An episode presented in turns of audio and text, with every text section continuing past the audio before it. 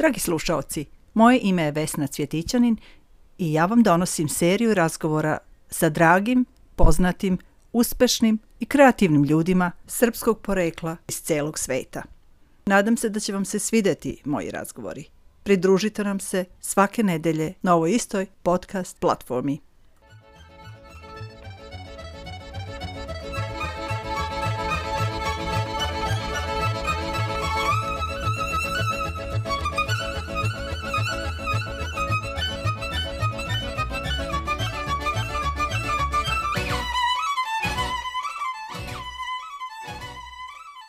Dragi slušalci, dobroveče još jednom. Moj gost u večerašnjem programu je Milan Maksimović. Dobroveče, Milane. A, dobroveče, draga Vesna. Jako mi je drago da ste prihvatili moj poziv da budete gost u našoj emisiji Srbija u mom srcu. Ja pokušavam da nađem ljude koji su na neki način zaslužni svom narodu, ali ne samo svom narodu. Taj svoj narod može da bude naravno Srbiji i Srbija, ali takođe i mnoge zemlje gde smo se mi po svetu raširili. Vi živite ovde u Australiji i jako mi je drago da sam čula za vas, a naravno nije bilo ni teško čuti. Zbog toga, dragi moji slušalci, što je Milan Maksimović, veliki humanitarni radnik, proglašen za građanina opštine Fairfield u Sidneju za 2021. znači 2021. godinu. Milane, imat ćemo puno toga da pričamo. Naravno, slušat ćemo i muziku po vašem izboru i ta muzika će biti prva pesma o izvođenju Zdravka Čolića, Ti si mi u krvi, Bijelo dugme, ako možeš, zaboravi i naravno opet bijelo dugme, sve će to, mila moja, prekriti ruzmarin, snjegovi i šaš. A uz tu divnu muziku čućemo i životnu priču ovog izuzetnog čoveka. Milane, da krenemo. Gde je prošlost, gde ste počeli i šta se dešavalo. Draga Vesna, hvala vam mnogo i dragi slušalci. Stvarno sam pošestovan vašim uh, riječima i veoma mi je drago da mogu da podijelim sa vama uh, moju životnu uh, priču. Uh, ja sam uh, rođen uh, u Tuzli 1969. godine i tu smo živjeli do 1983. godine kada je moj otac dobio prekomandu, dobio novi posao kao direktor hotela na Jahoreni za zimske olimpijske igre 84. godine. I odrastao sam tu a, u većinom a, u, u Sarajevu, ima mnogo divnih uspomena, a, divnih prijatelja, sve do te 92. godine, aprila 92. godine, kad, su, kad je krenuo taj rat na našim prostorima. To je priča jedna koja sigurno ima mnogo tužnog u sebi, ali sigurna sam da ste se vi kao borac u sebi, u junačkom srcu izborili. Recite nam o tome, kako je to bilo? Bilo je dosta teško, naravno, ovaj, 92. ali uvijek sam nekako nosio u sebi uh, te neke radosne uspomene tog neobično dobrog života koji sam ja lično imao i moji prijatelji. Sarajevo je bilo grad e, muzike, tako da smo mi moji prijatelji malte ne svake sedmice išli na neki koncert uh, uživo. Zbog toga što isto moj otac e, radio u hoteljerstvu i zbog tih uh, njegovih prijateljskih veza mi smo imali prijatelje na moru gdje smo išli svake godine dva mjeseca na more i, i zimi su oni nama dolazili na skijanje i ostajali kod nas. Tako da i čak kada pričam i, i dijelim sa svojom porodicom, svojom suprugom i sa prijateljima ovdje u Australiji. Mnogi od njih mogu sami a, da vjeruju a, kako smo imali a, dobar život. A, kroz taj rat a, koji je bio jako težak, naravno kao što vi kažete, kao borac, a, a, prošli smo snažno i onda sam a, a, ja a, 97. kad se rat a, završio, znači bio sam čitav rat a, na našim prostorima, dobio sam a, prvo a, tu imigrantsku vizu za, za Kanadu, da bi ubrzo dobio posao u američkoj a, kompjuterskoj kompaniji. Inače, želio bih da podijelim sa slušalcima da sam bio jako dobar student i da sam išao na takmičenje iz matematike i fizike i par godina sam osvajao prvo i drugo mjesto a, Republici, tako da nije bilo za mene nikakvih problema da se uklopim u zapadnu civilizaciju, čak sam smatrao da su naše škole bilo dosta lakše. Završavao sam i studije uh, u zapadnim uh, univerzitetima, završio sam uh, magistarski rad, tako da sam s mnogim svojim kolegama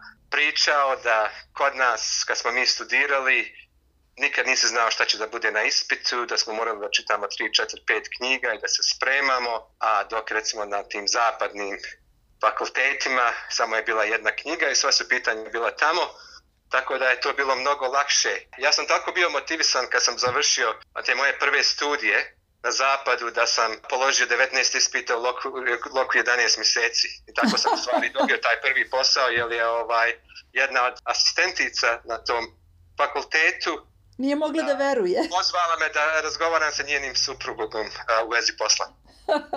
svaka čast, svaka čast. Ali ja mislim da ste na početku možda napravili malu omašku i rekli da su naše škole bile je uh, lakše. Ja mislim da su naše škole, mislim u tadašnjoj zemlji, bile mnogo teže nego ove na zapadu. Da, da, ja sam želio u stvari to da kažem, da su naše škole bile mnogo teže ovaj, i da je bilo mnogo lakše na zapadu da se položi ispred. Jeste, jeste. Dobro, znači taj uspeh i u školi, u studijama i naravno sve to pomešano i sa određenim okolnostima koje su se dešavale van vaše moći da ste mogli da ih kontrolišete, 1997. poslali su vas u Kanadu, a posle toga posle tog iskustva koje je sigurno bilo veoma značajno, to zapadno iskustvo, došli ste u Australiju, je li tako?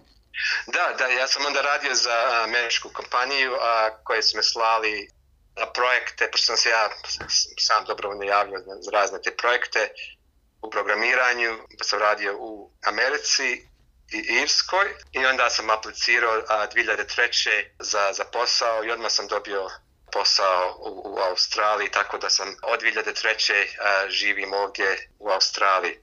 Dragi slušaoci, u današnjoj emisiji predstavljam vam gospodina Milana Maksimovića, humanitarnog radnika i građanina opštine Fairfield u Sidneju za 2021. godinu. Velika mi je čast, Milane, da vas imam u mom programu.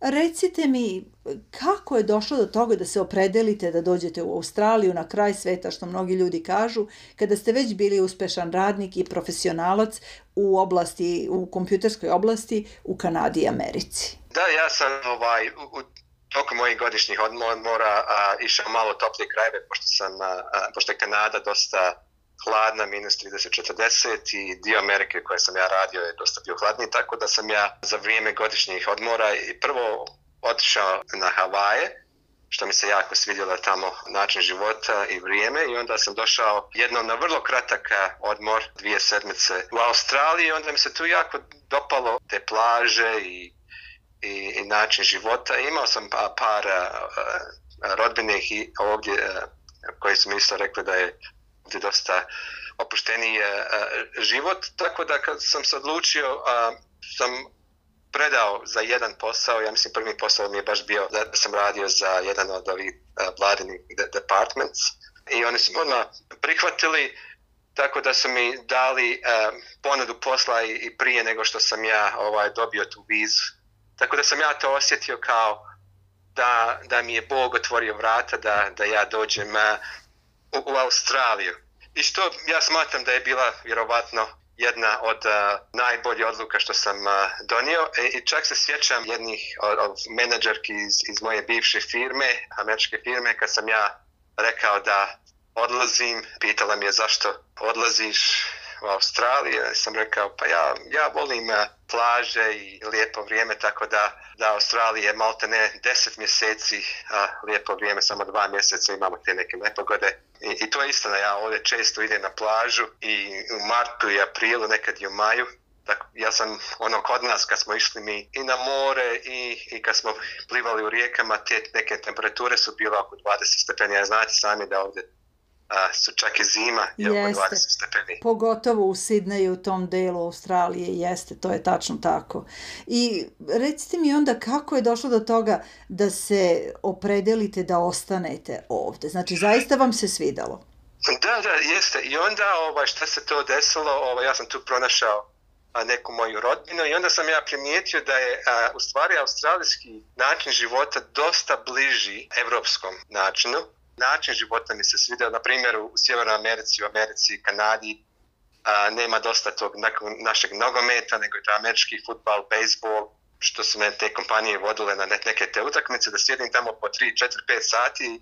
Ja baš nisam ni uživao, dok recimo ovdje u a, Sidneju, narešto u zapadnom dijelu Sidneja, ima mnogo naših tih prodavnica, mnogo naših ljudi, većinom svi su nekako prekupirani tim nogometom i tenisom i sam taj način života je mnogo bliži nekom evropskom načinu u Australiji nego što je to u Kanadi ili Americi. Dragi slušalci, sa velikim zadovoljstvom mogu da vam kažem da je moj večerašnji gost Milan Maksimović, humanitarni radnik i građanin opštine Fairfield u Sidneju za 2021. godinu. Sada ću vam, Milane, dozvoliti da nam ispričate sve što možete da nam kažete kako je došlo do toga da postanete građanin opštine Fairfield, koja je ogromna opština u Sidneju, kako je došlo do toga da se uključite u humanitarni rad, malo o svom porodičnom životu, pa izvolite izvolite, mikrofon je vaš. Hvala vam puno. Pa ja, ja sam jako bio, naravno, zauzet um, u svome poslu, radeći kao project manager i program direktor sada, uh, vodeći uh, razne programe i projekte, tako da nisam baš ni imao nešto vremena da budem uključen u neki humanitarni rad, ali sam podržavao razne humanitarne akcije i naravno najviše zbog toga što sam i ja sam izbjeglica i što sam osjetio teškoće rata, što sam osjetio kako je teško kad se izgubi svoj dom i, i osjetio sam i pored toga što sam spomenuo sam imao jako dobar život, osjetio sam u toku rata i, i glad i žeć. Tako da 2015. godine pod naletom takozvane islamske države Iraka i Sirije ili ISIS, koji svi pamte, oko 800.000 ljudi je a, prognano samo zbog toga što su hrišćani. A ja sam bio uključen preko Ujedinjenog a, pravoslavnog a, bratstva i, i podržavao sam kroz razne te večere koje smo imali zajedno, ali smo sad pozvali da da više pomogne da prikupljam pomoć koja bi se slala naravno tamo, ali i da pomažemo ljudima da dolaze u Australiju. Tako kad su te prve grupe počele da dolaze 2016. godine, mi smo se sastali sa njima, pa smo im pomagali oko tih najosnovnijih potreba. Pošto znate, kao, ja to znam, mislim kao izbjeglica, ja sam u stvari napustio naš stan samo što sam imao na sebi, znači nisam čak ni želio da nosim kesu, pošto su mi rekli da kad budem izlazio i kad sam prelazio tamo na, na stranu a, iz Sarajeva u Lukavicu gdje je a, bila naša vojska, da nema čak ni kesu kako ne bi neko mislio da ja idem, jer je bilo dosta snajpera. Tako sam znao da i ovi ljudi nisu imali ništa sa sobom, što je bilo istina, a smo mi obezbijedili odjeću za njih, namješta, iako im je vlada pomogla australijska mnogo, mi smo željeli da i sami tim damo im pomoć i naravno kad smo se sastali sa tim ljudima, potresle su me te njihove priče. Jer su čak neke te njihove priče bile mnogo teže i od moje. Neki su bili a, i u logorima, a, seksualno zlostavljani i napačeni. Tako da sam kroz taj rad odlučio da registrujem humanitarnu organizaciju i znači u ovih zadnjih 5-6 godina mi smo se većinom bavili pomoći progranim hrišćanima, ali prošle godine a, u ovo doba, u martu, a, Australija je bila zahvaćena jednim od najvećih požara što niko nije ovdje zapamtio, pa smo mi stopirali tu našu pomoć ugroženim hrišćanima da bi se usmjerili pomoć ljudima koji su izgubili kuće, pa smo kroz našu tu humanitarnu organizaciju uspjeli da podijelimo osnovne stvari kao što su kreveti, frižideri, šporeti, sve osnovne stvari koje su trebale, hrana za ljude, voda je bila a, jako neophodna i, i burad sa vodom i čak hrana i za životinje. A, kroz tu našu organizaciju uspjeli smo da podijelimo vrijednosti od 86.000 pomoći samo za, za, za požar. I uključili smo se kroz osam, našu organizaciju da pružamo pomoć najugroženijima od eh, korone, pandemik, zato što su mnogi ljudi bili zatvoreni u kuće, pa smo mi osjetili potrebu da penzionerima podijelimo kroz naše crkve, a, samohranim majkama i, i svim drugim ljudima kojima je ta pomoć bila neophodna. Milane, samo da vas pitam, a recite mi kako se zove ta vaša organizacija? A da ova organizacija se zove uh, Milan Hilda Care. Znači, mm. mi smo odlučili da uh, uzmemo uh, moje i ženino ime, pošto je ja i moja supruga Hilda i naš sin, Christian Pero, su jako uključeni uh, u ovaj humanitarni rad. Dobro, znači to je baš vaša porodična, mislim, poče, počela je sa vašom porodicom, a proširila se izuzetno široko i zaista obuhvatila veliki broj različitih vrsta i oblika pomoći, zar ne? Da, jeste. Mi smo se odlučili da pomognemo ovaj, gdje god je ta pomoć najpotrebnija, tako da i sada smo ponudili ovaj pomoć a, a, za vrijeme poplava. Još nismo dobili a, nikakav zahtjev, ali očekujemo uskoro. Čak ta area Colo Heights, gdje smo mi davali pomoć za požar, čuli smo da su oni sada U poplavama, a, neverovatno. Da, poplavom, da, neverovatno. Tako da očekujemo, jer imamo tamo, e, mislim, poslali smo prijatelji, da, da način na koji mi radimo je dosta drugačiji od tih e, humanitarnih organizacija. Mi uvijek se sastanemo sa tim ljudima kojima pružamo pomoć i svu pomoć koju mi dajemo ide 100% ljudima koje je to potrebno. Znači, ja pokrivam lično sve te troškove poreza i, i drugih registracija, plus naravno mi doniramo u našu organizaciju, a nemamo zaposlenih, tako da su svi volonteri, nekad čak na nekim eventima imamo između 20 do 40 volontera, kao što ste rekli, to se proširuje, jer ljudi ovaj, su vidjeli, naravno dobijamo a, donacije od ljudi, pošto oni sami vide da da sve što mi pružamo tu pomoć ide 100% u humanitarne svrhe ljudima kojima je to ta pomoć potrebna. Mi nismo kao neke velike organizacije koje imaju 20, 30 ili više posto te neke unutrašnje troškove. Da, troškove operacija, da, da, znam.